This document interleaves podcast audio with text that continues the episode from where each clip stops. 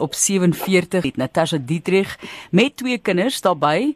As ek nou reg onthou, het sy hierdie dag by IWK studeer in Saans was sy daar 'n skoonmaker gewees en ons gesels met daaroor hierdie prestasie. Sy is nou 'n uh, laerskoolonderwyser. Baie geluk Natasha, welkom.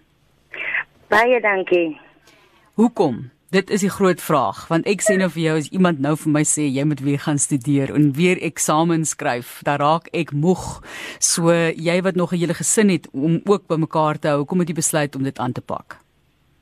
Ehm um, ek sien die hele gedagte om te studeer is om vir jou 'n beter omstandighede te skep en ook om jou gemeenskap te help wat rondom jou is en ook omdat ek jy besluit het op onderwys dit is om kinders te help.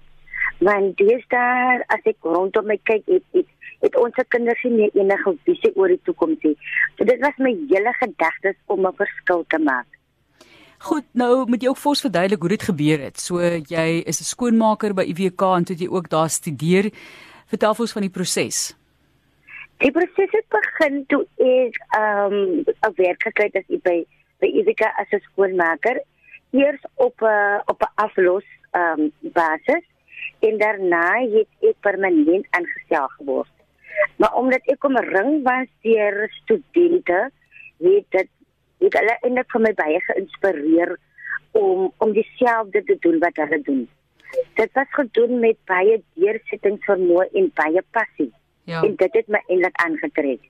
En Natasha, jy sê nou daar sou dit jou inspireer. Ek sal nou weer baie geïntimideer voel. So gelukkig was jy op 'n manier dan verwelkom en soos jy sê geïnspireer deur hulle. Dit is 'n situasie waar jy bietjie geïntimideer word, maar ook omdat ek as skoonmaker gewerk het, het ek gevoel dat ek wil iets beter wees. Verstaan? Ja, 100%. En jy weet jy neem maar besluite dis hierdie wonderlike besluite Natasha wat jy in jou lewe neem. Jy weet ek gaan 20 kg verloor of ek gaan leer om een of ander gaan gitaar of klavier klavier leer speel 'n nuwe taal.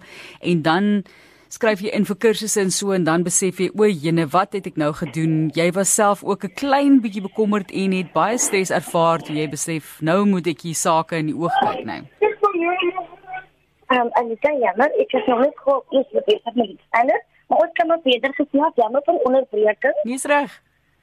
Ja, ons kan maar gesels. Kan ons maar gesels. Goed, so jy was baie baie gestres, jy het besef goed ek het nou ingeskryf. Nou moet ek voorvat om wel hierdie kursus te voltooi. Ja, want dit is 'n moeder die een kant. Ek was 'n voltydse student en ek het nog gewerk ook.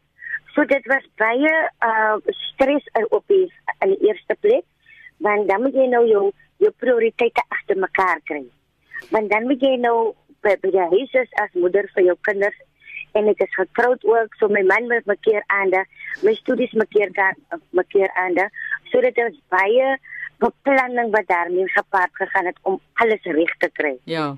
Het jy eers met voor die tyd gesels en gesê goed, kom ons kyk eers of almal saamstem of het jy net besluit ek gaan dit nou doen en dit later vir hulle vertel?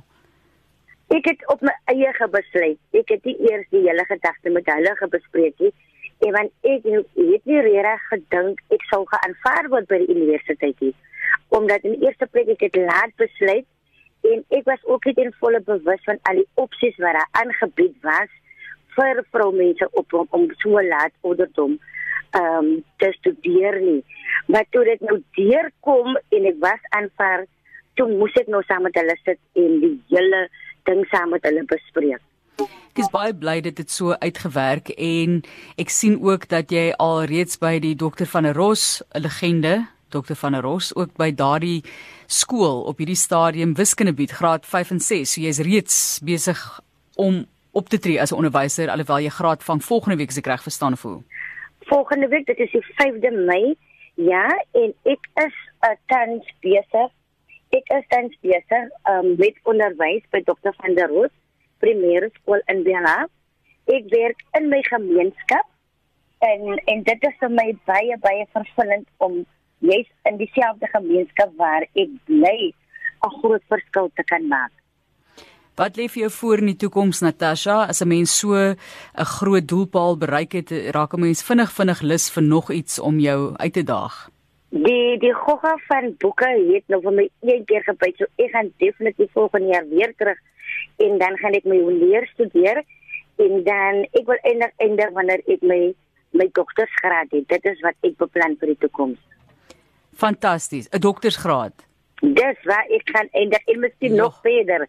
Dit is alles met die met die hulp van die Here wat ek dit graag wil bereik. Jene Natasha, baie sterkte. Nik staan in jou pad baie duidelik nie ten spyte van die feit dat jy ons is op pad 50 toe en jy het al hierdie verantwoordelikhede en mense wat van jou op jou staat maak dan nou in jou daaglikse lewe ook daarbey. Baie baie sterkte. 8 ure het sy skoon gemaak tot 3 die middag toe en as ek reg verstaan en dan moet sy nog verder studeer ook saans. So baie baie geluk weer eens met hierdie mylpaal wat jy bereik het om op 74 of 47 liewer jammer jou graad te vang. Baie sterkte vir die toekoms. Ons hou duime vir daai doktorsgraad. Baie baie dankie dat julle vir my gehad het vanmiddag.